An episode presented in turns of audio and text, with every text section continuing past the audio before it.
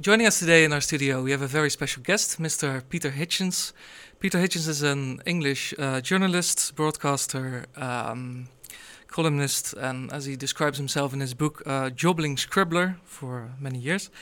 Um, he's here to talk about his uh, book, uh, The Rage Against God, or Opstand tegen God, which appears um, this month at Uitgeverij De Blauwe Tijger.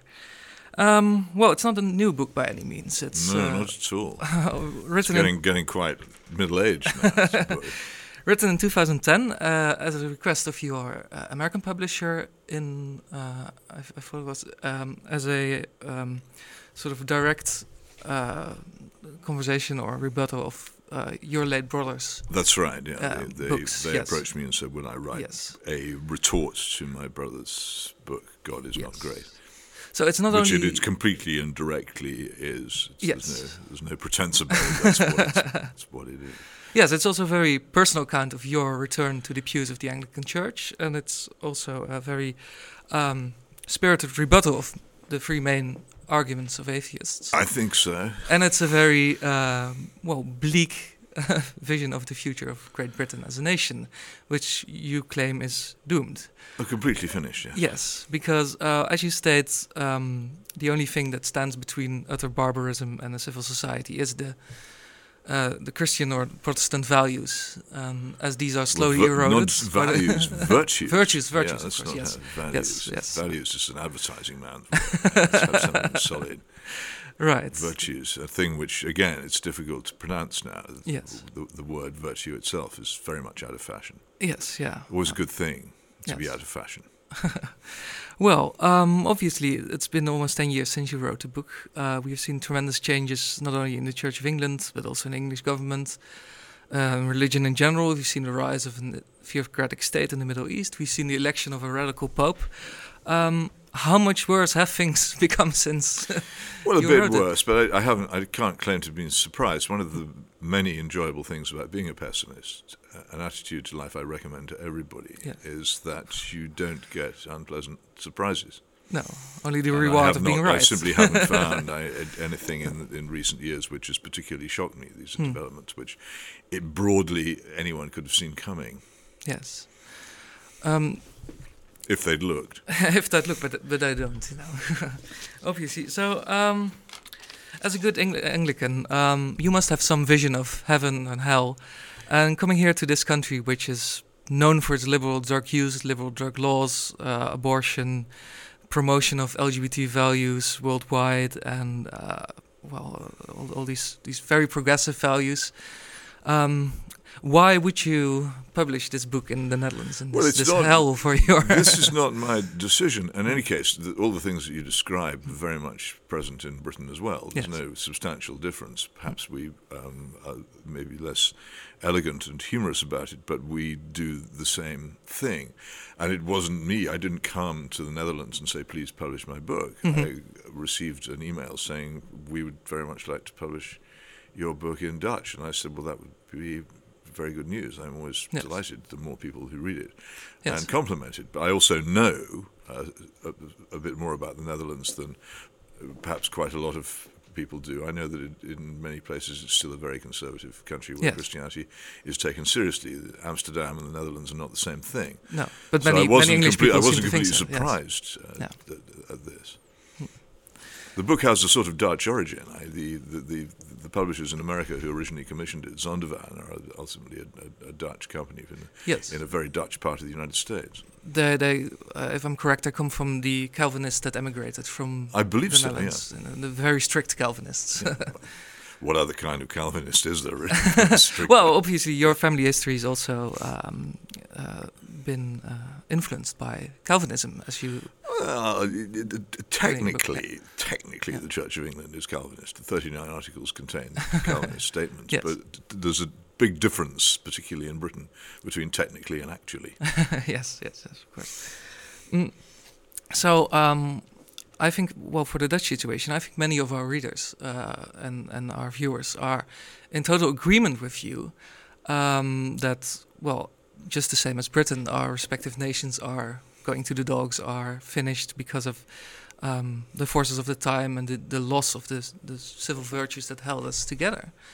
But um, I also think that, uh, and, and, and the loss of institutions that go with it. I mean, the same crisis that strikes the NHS strikes the Dutch um, Dutch healthcare system. The same problems with infrastructure. Uh, we also have a very very bad decline in the, the state of our railway services and, and all that. Um, but I also think that many of um, of my readers are very much on the other side, uh, siding more of your brother Christopher, who's somewhat of a saint in our circles, um, on the on the God argument. I think mainly because they see religious faith in the form of Islam as the main threat to our nations. Um, so, what do you, what, what would you say to these people that that Well- want to re- reclaim the old nation without the Christianity? No, my my late brother formed a very peculiar alliance with some American conservatives uh, over his opposition to and strong dislike of Islam. Yes. Uh, but he this this was a it seemed to me always a bit of a feint. He he opposed Islam, but fundamentally his target was Christianity. And the, Yes. the American conservatives who welcomed him in as an ally just chose to forget or ignore just how hostile he was to Christianity. And it, seems to me to be perfectly evident that the two things are quite different. Islam and Christianity are not the same religion. They don't have the same consequences. Uh, they don't have the same precepts, and it it's a different argument. And you can be. Uh, you, you could be unwilling to have the precepts of Islam introduced into your society, and but at the same time, uh, you can be Christian. In fact, it seems to me that it's very hard uh, to object to the introduction of Islam into a, a modern Western society without considering the Christian roots of modern Western society Yes, and actually giving the Christian answer to Islam. After Yes. all, what else is there? Is, is endless material wealth? Is complete self-indulgence? Is Mm-hmm. that an answer to Islam? I don't think it is. I, the, the things that are admirable about Islam, are it's it's tenacious, uh, clinging to its own principles, its refusal to compromise, and its very very strong moral sense, and the way in which it it it, it requires and generally succeeds in getting its followers to take part in a in a cultural uh, community which brings them very much together as a strong faith. Yes, These are yeah. enviable things, it seems Yes, to me, so- and many of them actually, are, are, as far as I can see, are taken from Christianity in its original form. Yes. I I had always used to have this. Um, th- this moment of, of of satirical humour whenever George W. Bush, when he was president, would go on the television and start describing the is- Islamist threat to the West, and he would say, "They hate our way of life," Mm-hmm. and I would be sitting on the sofa in front of my television set shouting, "I hate our way of life too." Yes, yes. Uh, Well, you- you hate I've things got- like that television doesn't- and, that uh, does not make me No, the no. enemy of of uh, of civilization. No, no. Uh, so, opposite, yeah. but if you, what is your answer? Is, what is your answer to Islam? Is it is it is it guided missiles and tanks and and, and, and, and bombs? Uh, is it the consumer society, or Hmm. is it an alternative uh, conception of what the moral law should be? Yes. It seems to me if you really really object to the to, to, to the spread of Islam, then you then you must offer an intellectual challenge to it, not a military challenge to it, or a, or a challenge to it based only upon oh we have more fun. No, no. And we may not have more fun if our if our economies continue to go the way they, they're going, f- floating on a huge bubble of unrepayable debt. In the case of my country, Yes. Uh, when that when that comes to an end, I, you you you've you, you've possibly come across a, a very interesting book on the great uh, hyperinflation in Germany in the 1920s. The title of the book is haunting. The title of the book is "When Money Dies." Yes. And if that happened again in Western society, how, how, how where would our vaunted superiority over, over, over the world of Islam be? Uh, what would it be if, if it's on, only based on material prosperity and on military strength? Then Yes. we wouldn't have that anymore. So in your book, you talk about um, religion and something, and, and the way you you experienced Anglican religion as a sort of fake version of the real thing. Um, do you think that Islam, as it is present now, presents the real thing rather than a sort of I don't think I call Anglicanism fake I, I, at all. I think that the, the, fake religion in Britain is the, is the sort of Churchill worship, which is right, uh, yes. which has taken over our country yes. since the Second World War. It's a very complicated thing about which I've recently completed another book. Yeah. Uh, this the idea of the Second World War as being a, a huge moral event yeah. and a kind of parable of, of, of goodness and evil, yes. uh, which it isn't really, and it, it's nothing like that simple. Uh, in, in, many ways, that is the, the English substitute for religion. Mm-hmm. Uh, yeah. the, the two things we worship are, are the finest hour and the National Health Service. Uh, those are those, those, are the, those, yes. are the, those are the British religions. Yes. Uh, have, so no, not, I don't think, I don't think uh, Anglicanism is fake at all. I think it's uh, it, it's actually much derided as a mm. as a strand in Christianity. It's a very clever synthesis of Catholic and Protestant, which has yes. been very successful in in avoiding some of the more stupid sectarian conflicts that mm. other countries have, have, undergone and saving some of the better things from Roman Catholicism, which the yeah. Ref- Reformation in some countries swept away totally. Yes, I think yeah. I'm I, am a great defender of Anglicanism as set out mm-hmm. in the 1662 Book of Common Prayer. Yeah. So no, that I wouldn't say that. Yes. But on the other, it's if you want, what, what I do say is this: that it's it's the it's that form of Anglicanism, the traditional one, mm-hmm. rather than the modernized, uh, eviscerated, uh, saccharine sweetened version of religion, yes. which is peddled now. The thing with the guitars and the human the guitars and the yes. and, the, and the, yeah. the, the drum kits and the political sermons and the, the the almost total abolition of any idea of penitence. Right. Yes. And the, Should all be fun. It, yeah. It's, it's not, there isn't. Yeah. We're not. We're not. We, we haven't really done anything wrong. We haven't committed any sins. We're not miserable sinners. Mm-hmm. Uh, there is healthiness. This is the opposite of what of, of, what Anglicanism actually stands for. Yes. It's too soppy, if that yes. word makes sense. In, well, it does. yes. Yes. Right. Um, so. Uh, I know you loathe a certain six-letter word, uh, so I won't utter it in I'm your trying presence. To work out which six-letter word uh, that is. Actually. For the uh, unfortunate egress of the oh. United Kingdom from from the European Union, um, but I'm afraid I can't keep it out of the conversation. no, it's, it's the word the is events of the week. it, the, the, word just makes me think of, a, of an unpleasant um, breakfast cereal of the, of the kind which the, the Weetabix of, of, of, politics, lax, of a laxative kind. Yes, yes, uh, very much it's understandable. Yeah. Um, so we we haven't really uh, the time to review all your rebuttals of atheism, of course, but there's one that's very very important to the Brexit thing. I I, I think it's is that many modern states that which claim to be atheist or humanist aren't in fact not atheist at all, but just replace religion with forms of state worship as um, as as a sort of ersatz for religion. Um, do you think the EU is also engaging in that sort of program? I think the European Union's original founders generally tended to be old fashioned Roman Catholic Christian Democrats, yes. though you do have, very interestingly, among the founding fathers and spirits of the European Union, Altiero Spinelli, who was an, an Italian communist. Yes. Uh, I think, though, at some point in the development of the European Union, it embraced uh, a secularism mm-hmm. and a rejection of religion. Remember the, the problems over the appointment of Signor Buttiglione some years ago and the, the late Pope John Paul II's attempts to get some sort of reference to Christianity included in the, the, what was originally the Constitution and became the Lisbon Treaty, which yeah. failed. Yes. I think the European Union is ultimately a secularist and probably a Euro communist project yes. now. I think its current state is probably the result of the long march through the institutions of the 1968 generation, mm-hmm. who were, uh, in my view, Marxist in inclination, though not in the traditional uh, Soviet communist no. way, but as cultural revolutionaries, particularly, and as people seeking a cultural hegemony for a new and different world, which they've largely achieved. I think it is it is an organisation fundamentally hostile to and incompatible with a Christian Europe. Yes. So that if once you once you've dispensed with Christianity, in the, in the end, I think you do tend towards power worship. Yes.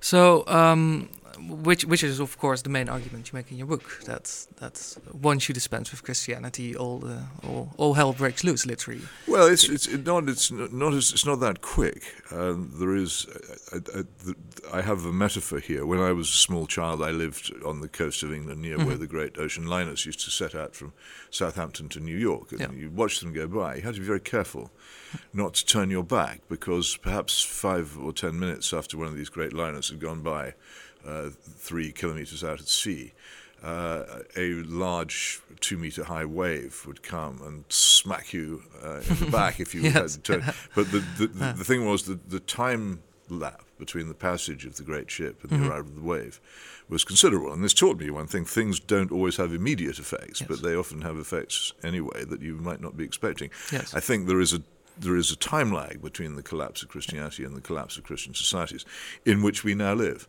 So, what's the connection between the, the collapse of Christianity and the, the, the majority of the certainly people of your generation and above who somewhat grew up more in in the Anglican Church than gener younger generations in the effect on Brexit vote? I don't think it has very much to do with it, actually.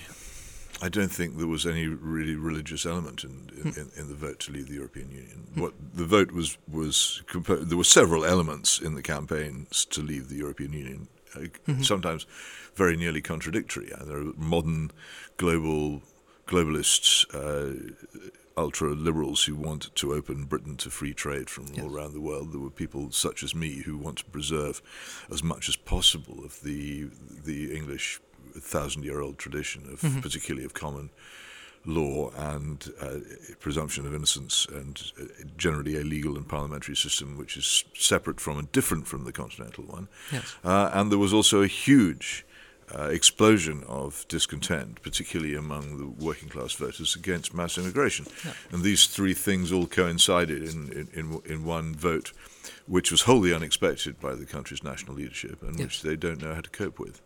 Yes. Well, uh, returning to nor the do I, by the way. It's not, it's not an easy thing to do. I would no. I, I, would never have held a referendum, and I'm against them. Hmm.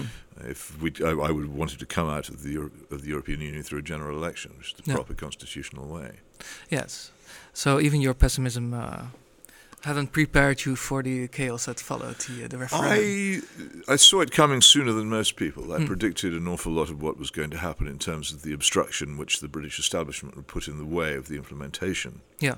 of the vote, which I think I was completely accurate in. And towards the end of the campaign, I did become aware of, of how big these, the surge of anger against immigration was, and that yes. and therefore there was going to be uh, the, the vote to leave, which I hadn't expected, but but which I was among the first to predict. Yes. So um, this this this wave of mass immigration uh, is that connected in a sense to this march of institution of Marxist you? Uh, actually, it, it is connected to what I believe to be the the Euro communism of the Blair government. Yes. Uh, people always, uh, in, in Britain, many people believe that the Blair government was in some way conservative, mm-hmm. which I've always disputed. Uh, I think that the Blair government was a particular British version of Eurocommunism, that it, yes. it, was extremely radical both domestically and internationally. It was in favour of supranational institutions, of the absorption of Britain into the European Union at a faster rate. It was in favour of cultural and, and moral revolution yes. on a large scale, which it implemented, and also yes. in favour of a much greater role for the state in the lives of the people, which it, it succeeded in doing. What's interesting about it is how many senior figures in New Labour turn out to have been roughly at the time that I myself was a Marxist Leninist in the late 1960s yes. and early 1970s. They turn out to have been too. I think I can identify six members of Blair's cabinet who were, were former Marxist Leninists, yes. uh, including Blair himself, which is a fact not widely known. No. Uh, that Blair that Blair has recently openly uh, revealed that he was a Trotskyist. Yes, so, so you, you felt not, so the, and so yourself. this is this is yeah, oh, I, yeah something yeah. I definitely. But I the difference between me and them there are many differences between me and them, but on this is that I've always been open about it, that I discuss it, that I'm quite clear that I mm. have rejected it, and I explain why I rejected yes. it. Whereas if you if you find British left wing politicians, particularly at senior levels, and you ask them about mm-hmm. their, if you can even get close enough to ask them about their Marxist Leninist past, they get very very shy about it, and they yes. don't want to talk about it. And this, in my view, is because it still has an influence on their thinking. So you had a government in which you have six former Marxist Leninists, yes. and in one of the advisors to this government, a, a man called Andrew Neather, uh, made wrote an extraordinary article a few years ago in which he revealed that the discussions that the New Labour had had about their immigration policy had included uh, the use of immigration as a, as a, as a as a deliberate policy, as he put it, to rub the right's noses in diversity. Yes. Uh, the, and and fundamentally to make it impossible afterwards ever to re-establish a more conservative country. Yes. That immigration was indeed a, a weapon in their armory. And I, again, and it backfired, I, yeah. well, it didn't backfire. Well. Uh, it happened. Yes. Uh, they succeeded in it, and Britain is irreversibly altered. It is not the same country that it was in 1997. It's hugely different, and and the, and the change is uh, is not going going to be reversed, and nobody could reverse it by any Hmm. conceivable civilized means. No, of course not. Um, so, as a repentant Trotskyite, um, what what is this pool of Marxism that still hangs over the the left? I mean, there, there was this this Dutch magazine last week that came out with a Marx special, where they uh, the Groene Amsterdammer, where uh, one of the things they tried to cast him as the first eco warrior. what, what is this? Well, good luck with that. um, he, the, the fascinating thing about Marx is that really, to, to me, it seems that people have been obsessed with his economic legacy, with the, particularly with the Soviet interpretation, or to some extent, I suppose, of the, the old German social democratic interpretation, uh, which was based on the on trade unions and their interests, which was all about uh, nationalization of industry and state control of the economy and all that sort of thing. These seem to me never to have been central to, the, to Marx's ideas. Marx was really a, a Jacobin. He was a French revolutionary reborn. Uh, he he was radical about the, the idea of be- beginning the world over again, creating a new type of human being and a new s- a new sort of world. The state withers away, uh, and the, the kingdom of reason reigns, and all the old superstitions and follies of the past are pushed to one side by uh, by a, a relentless progress under the under the smiling gaze of a benevolent history. History Yes. is history is the god of Marxism. Yes, yeah. Uh, history is always referred to when, when when Marxists are asked for any authority as to why what they're doing is better Yes. uh, than the alternative. They say, well, history will validate us. History is his, his, so so that is that is fundamentally what it was about. And you read the original 1848 manifesto; it is Yes. extremely radical. It's also remarkably pro-capitalist document, uh, much more than most people uh, w- who who don't know about it would suspect. And I think that element of Marxism has finally re-emerged mm-hmm. after from under the huge rock of Soviet communism, which fell mm-hmm. on top of it, and it's crawled out from under that, and it's now Yes. it, it's now much more engaged in, in, in open borders internationalism, mm-hmm. in multiculturalism, in what is loosely termed political correctness, in the reordering of the sexual relations between men and women, parents oh, and yes, children, yes. and also in the ultimately because once you destroy private life, which in my view destroying the married family will do, Yes. uh, you create a much more direct relationship between the individual and the state, in which the state is much more powerful. Yes. And so, f- forget about nationalising the railways or the steel industry, if you still have a steel industry. What the the new uh, the, the new Marxists do is they nationalise childhood. Yes, that's that's one of the more haunting passages in your book when you describe your time as a foreign correspondent in Moscow, Yeah. and you visit uh, or drive past one of the state nurseries where fathers weren't allowed and desperate mothers threw And that was the ma- that was maternity hospital. That yeah, maternity it, hospital, yeah. But the no, but the nurseries were horrible, and Yes. it, the, it was so arranged in, Yeah. in Soviet society that you, the, if two parents combined their incomes, Yeah. uh, they could afford to live, but Hmm. no couple could afford to live or raise children on one income. So you were compelled Hmm. Uh, to have both parents out working for wages. So you were compelled to put your children in some sort of state care, unless you had a handy grandmother who could take over the job, which Yes. some people did. But otherwise, the, the state took over childhood from a very, very early stage. And also, the marriage bond was extremely weak. Uh, almost all the couples that we knew in Moscow, Russian couples we knew in Moscow who had two children, uh, the children were half brothers or half sisters. Very, very seldom were they actually brothers and sisters because almost invariably the couple were on, on at least their second marriages because of the weakness of marriage and the ease of divorce, Yeah. which the Soviet state promoted. Yes. And then there's the, the awful, haunting figure of Pavlik Morozov, the um, Mhm. the young pioneer's hero, uh, to whose statue they used to be conducted to pay obeisance. And Morozov's great deed, as far as the Soviet system was concerned, was to have betrayed his parents to the Yes. secret police. and children Yeah. were taught to worship this individual. Yeah. That seems to me to symbolize the, the real fundamental diabolical difference Yes. So between Soviet society. You could take you could you could you could take the stupid economy and the, the to some extent even the, the single party system and, and all the rest of it. These were things which might have existed elsewhere. Mm-hmm. But the uniquely Marxist thing about the Soviet Union was the was was the worship of Pavlik Morozov.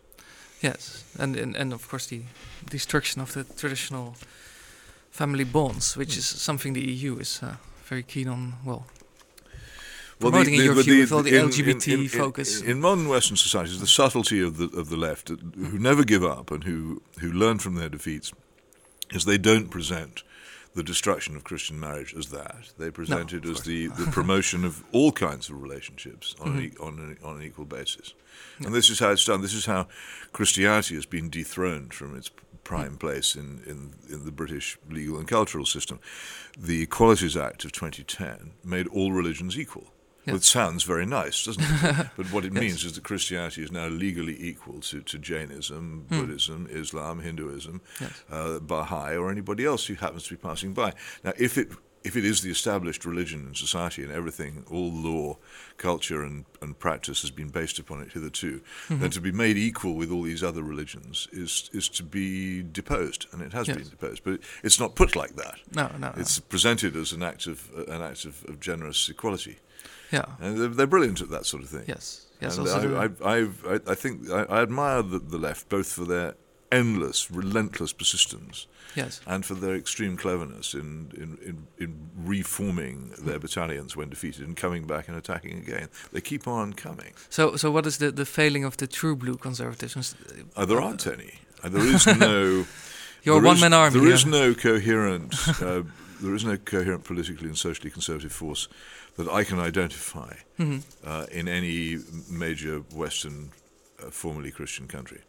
The supposedly conservative parties, such as the Conservative Party in Britain and the Republican Party in the United States, are Yes. really, in in economic terms, they're they're ultra liberal parties, Yes. and in social t- and uh, and cultural terms, they are clueless. They have they don't understand, lacking my huge advantage in being an ex-Marxist. They don't understand the enemy, No, uh, and because they don't understand him, they very often end up adopting his policies. Yes. And um, so, what about because when I when I speak to conservatives here in the Netherlands or very orthodox religious persons, they always speak in hushed tones of reverence about Russia, uh, sort of a state that has turned back and bounced back from this this this Marxist hell. And Well, I wouldn't go that far. I that Russia, Well, I- Russia mm. may take, Yeah. if it ever recovers Hmm. from what seventy-four years of Bolshevism, if it ever recovers from that awful uh, experience, then it will probably take two centuries to do so. yeah, It's far from recovering. It is at the moment a sinister despotism. I don't think anybody should be in any doubt about the fact that Vladimir Putin is a sinister tyrant Hmm. and that he runs a government which is both brutal, lawless, and corrupt. And it's Yes. very unwise to get involved in. Uh, in defending the indefensible in countries such as that. I know that there are aspects, particularly of Russian foreign policy, which I will defend because they Hmm. seem to me to be reasonable uh, in their own terms and in our terms too. But that doesn't make me an apologist for the Putin regime. Which no. So the so the up of Putin to the Orthodox Church is something you well, deplore. the or- Orthodox Church is, has has always tried to have good relations with whatever state is in power. It's Yeah. in its nature to do so, and in this case, it's doing the same thing, and that is obviously complicated from the Christian point of view. There is a there, there are injunctions in Scripture that the ultimately the Christian should obey authority, and there is the distinction between. Uh, th- those matters which are Caesar's and those which are God's, which Mhm. have always been made. But of course, there are points at which this, this breaks down, at which Yes. the Christian looks, which of course many Christians in Germany experienced in the 1930s, where Mhm. the the the readiness of, of, of Christians to support governments simply cannot survive the abuse of power uh, by those governments. And it's something which y- y- y- I almost can't be envisaged and isn't envisaged in the Gospels in any clear way, it seems to me, ex- unless you just look directly at the key sections of the Sermon on the Mount and you think, Yes. how can this possibly be compatible with the injunction to leave to leave power alone? Right? It isn't. Yes. Ultimately, the central passages of the Sermon on the Mount seem to me to be the test against which every part of the Christian religion, every part of Scripture has to be measured. And if it if it fails against that measure, then it has to be rethought. Yes. Right. Um, so one one thing I've noticed about your, your writings and your, your columns and your book is that you never really talk down to the common people that sh- ought to be filling the pews, but uh, in return to the church, but always focus on sort of the intellectual classes of the, the writers, the journalists, the um, I'm not the sure. academics, What, I'm honestly not sure what you mean by that.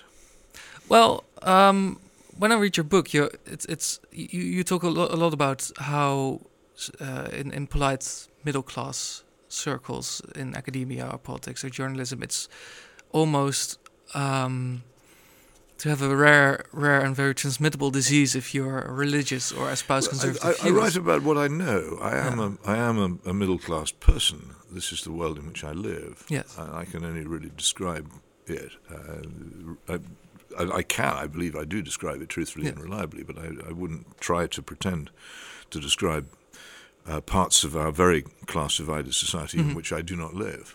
No, okay, yes. So, It would be like you know, writing a, an essay on Rwanda, never having been there. And we No. are we are a terribly class-ridden country, and Yes. we do live separate lives. And obviously, it doesn't mean there's no contact between us. But the fact is, I, I couldn't uh, I, I couldn't. Uh, Really, honestly or, or, or truthfully describe the, the lives of people in other other classes than my own. so you never had the temptation to do as many British journalists do to go on a class safari and go either up or down. I've been on a class safari, and one, one of the things that it taught me was how little I knew about other people, and that that that to know properly uh, whole parts of my country would involve a great deal more experience than I was ever likely to get. I, these Mhm. people have been, as, as, as the, the same was true when I began to get to know Russians. These people have been brought up in a world completely different from mine, yes, and I can get flashes of, of mutual understanding, but in the end, that difference is very profound. yes. So And I certainly don't possess the sort of the, the imaginative powers to cross them. Hmm. that's interesting.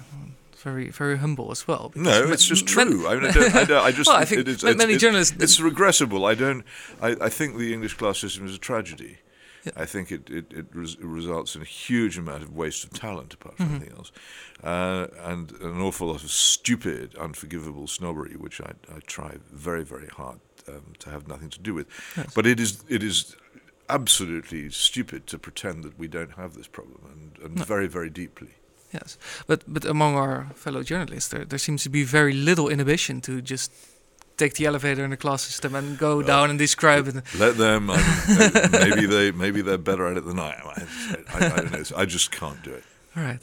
Um, so returning to the middle class, which is of course uh, where we're both most comfortable. Um, one of the interesting column I've read of you lately described the sort of shibboleths to be accepted into middle class um, polite society is the exception of certain policies in regard to drugs and abortion. Yeah. Um, could you elaborate uh, that for Well, readers? yes. I, these. The, it is generally. I, there was when I was at university uh, between 1970 and 1973 at what was then a new university, the University of York. Mhm. Uh, it was said that uh, I and a future Labour politician, Harriet Harman, who eventually became Deputy Prime Minister, were the only two students at York who did not smoke marijuana. uh, and that may well be true. Uh, there was a huge invasion of drug culture Yes. into the English educated middle classes in the 60s and 70s. And to some extent, it was the, the the shared joint was a sort of holy communion rite. And it goes together with, with with rock music. The holy trinity of the new world is sex, drugs, and rock and roll. yeah. And in that era, uh, self indulgence became not um, despicable but admirable and normal. Mhm. And all these things were considered to be so. And I had uh, I, I, had rows when I broke with the left. I had rows with former friends of mine over politics. I had rows with former friends of mine also over over drugs. Mm-hmm. Uh, I wouldn't. I actually on, on one occasion I, I, threw an old friend out of my flat because he insisted on smoking dope, and I said, "You can't do that here. I'm not mm. having it." And it was an it was an end of a friendship because I had. Uh, my particular type of Marxism was a fairly Puritan type of Marxism, yes. and I sustained some of my um, more more Puritan uh, aspects, which would normally have been associated with Christianity. I, sustain, mm-hmm. I sustained them through a different uh, moral basis, but I carried on sustaining them, so I'm different from them. Uh, and the, the question of, of, of abortion, I think the there is there certainly was a great fear in our generation that we would be, become like our parents. Mm-hmm. And I quote from uh, an Antonia Byatt book, um, The Virgin in the Garden, a, a small passage about the, the terror of, of, of, ending up living in the suburbs, going to work every day, uh, little garden gate, uh, mm-hmm. and, and becoming becoming your mother and father. Mm-hmm. And of course, the step which which begins the process of turning into your parents is having children, and the, the fear of having children is very strong, and was particularly strong. I think this is another important thing. It's not quite as strong now, particularly strong thirty years ago, before mass immigration came, mm-hmm. because people couldn't afford servants. Yes. And once the English middle class were able to afford foreign servants, uh, they were more willing to have children. Yes, yeah. and that so that became. But even so, anybody who was anybody who was against abortion was basically saying, well, if you get pregnant, then you've got to have the baby, and you've mm-hmm. got to follow the course of life which has come to you, and this really, really strong desire to de- to defy your uh, your natural station in life and your fate mm. by dispensing with the children you'd otherwise have uh, is is is a very powerful evocation of what I call selfism. Yes. The worship of the self above all things, and yeah. the putting of the self first to such an extent that you are prepared to kill another human being. Yes. Uh, though you will always lie about what the action is to, yes. to, to continue in the life that you've become accustomed to. Yeah, that, that's that's that's also important. And the same people, by the way, are, are, are, passionately furious at any suggestion by me that it might sometimes be advisable to execute convicted murderers. Yes, you are in favour of that. This, this is not. You can't do that. You can, you can kill an innocent baby in the womb, but you cannot kill a man who has killed other people and has been convicted of this crime in a fair yeah court. So, are you in favor of the death penalty out of biblical reasons or traditional English reasons? I have Just, several reasons. Yeah. I can give you, if, if you are of a religious disposition, I can give, I can tell you there are religious um, reasons why it is actually um, superior. I hate, by the way, I absolutely hate prisons. Mm-hmm. I think long prison terms are, are, are tremendously cruel. I yeah. myself, having seen inside some prisons, would much rather be executed than spend long periods of time in them. Mm. I, I, have no doubt about that. They're, long prison terms are barbaric. Uh, so, uh, and there are also straightforward utilitarian reasons if you mm. if you maintain a serious deterrent, and if you, but quite honestly, it does seem to me to be strange uh, that in our current society we don't value life any more highly than property. Yes. That there's no there's no distinction made. If you if, if you steal a large enough sum, you'll get as, as long a prison term as you would for stealing somebody's life. I think mm. that's a complete failure of proportion myself. Yes. But these are outrageous statements in modern Britain, yes. and it's, it's why I simply do not get invited to dinner in several London postal districts. Yes. They wouldn't have me there because I'm, I, I am a, I am a sort of, if I believe no. that, then I'm obviously a Nazi. Yes, yes. Yeah.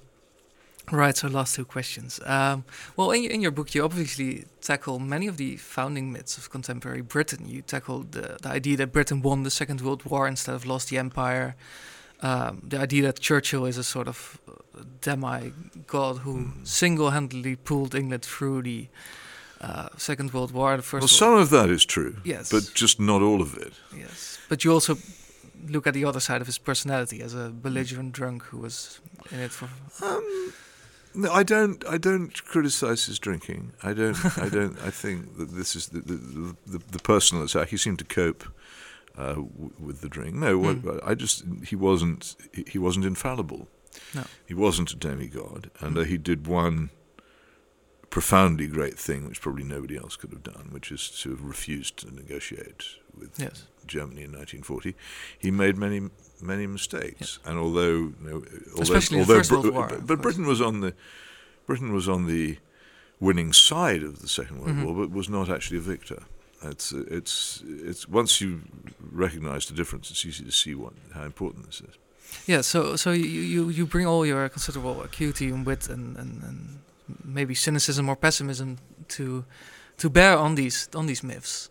Um, kind of you to say so. Well, and I was wondering, uh, weren't you ever inclined to put the sort of founding of the Anglican Church through the same paces? After all, it's it's a church founded on the whims of a devious king who Well, women too much and the Pope too little. It's not true. Um, this, this is this is actually a, a Roman Catholic propaganda myth, the founding of the Anglican Yeah. Church. Well, I'm Roman much, Catholic, Much more complicated. Well, it's what here. I mean, then you should read a recent essay that I've written in First Things magazine on the Mm. on the whole subject.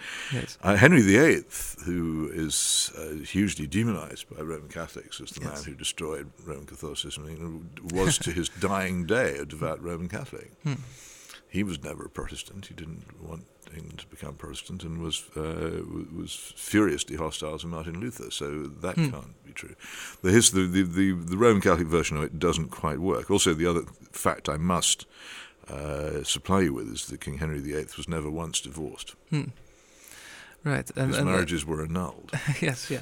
And Uh, I have to say that there were there, his annulments were no more uh, out of order or unjust than Hmm. those granted to Senator Edward Kennedy yes. in more recent times by the Roman Catholic Church. It's not a. This is not a.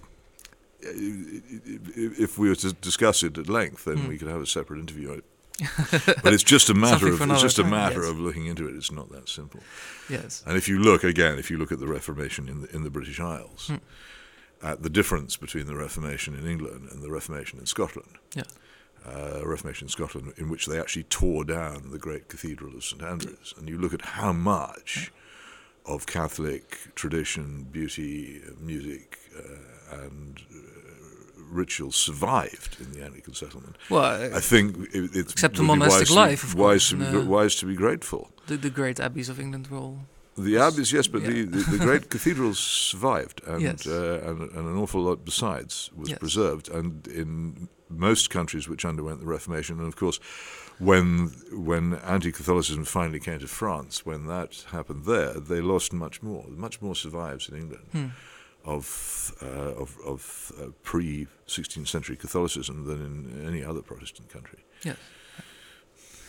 Right. Um, so uh, tonight, uh, football is apparently coming home. I know you won't be watching because. You can be sure of that. yeah. is this a, a sort of ray of hope for for England? this- Why would it matter times? if a if a, if a if a if a country's national football team, which has Yeah. no organic relation with the country, Yeah. I, I, who chooses these people? Not me. Hmm. Uh, if eleven rich professional sportsmen uh, kicking a, a bladder around a field Hmm. uh, win score more goals than 11 rich professional sportsmen from another country Well, what difference course does it the, make? The, the, is the most is, lasting is, thing the British Empire brought to the at world. the end of that evening, is is Britain richer? Is Britain stronger? Is Britain safer? Is Britain more independent? Is Britain more free? Uh, has anything substantial happened? No. It's as far as I'm concerned, it's a sort of pagan ceremony. I don't. It has no. It has no relevance to me at all. And what's more, there's something more than faintly ugly to me about football. There's a lot Hmm. of it. The, the playing of the game, when I have watched it, has seemed to me to be full of open and, and, and actually almost boastful cheating, Yes. uh, stupid, petty violence and spite. And an awful lot of the chants that you get from football grounds are, are fairly unpleasant. And my general rule, if I'm in a big city and I see a football crowd coming towards me, Hmm. is to go in the opposite direction. what about you? Well, very wise. You're not. No, it's not. It, it's not. It, it, certainly in Britain, it's not a guarantee of, No, of a of course peaceful not. or No. polite or civil evening uh, No. if the area that you're in is full of football fans. No. So I'd see no reason to be enthusiastic about this game. So So- for the for the Dutch Anglophiles, you advise to read an excellent book no- on Britain no, instead no- of watch no, a cheer for the. All I say about this is, if, if you if you don't like my opinion, that's fine, but don't expect me Don't assume that there's something Hmm. wrong with me, that I'm abnormal or, um, or or in some way to be condemned because I don't share your enthusiasm. That's all I ask. I don't. What I really object to about this, the cult of football, is the way in which it assumes that if you're not part of it, there's something wrong with you. Yes, Think which it, is think of it possi- very- very- think it yeah. possible it might be the other way around. Is all something it shares with Marxism and, uh, and all the other isms we've spoken about today, of course. yeah, of course. Right, Mr. Hitchens, thank you very much for uh, making time for us to uh, talk about your book. I implore all our viewers to buy it. You can buy it online um, and in the better bookstores. I hope. Thank you so much. Thank you.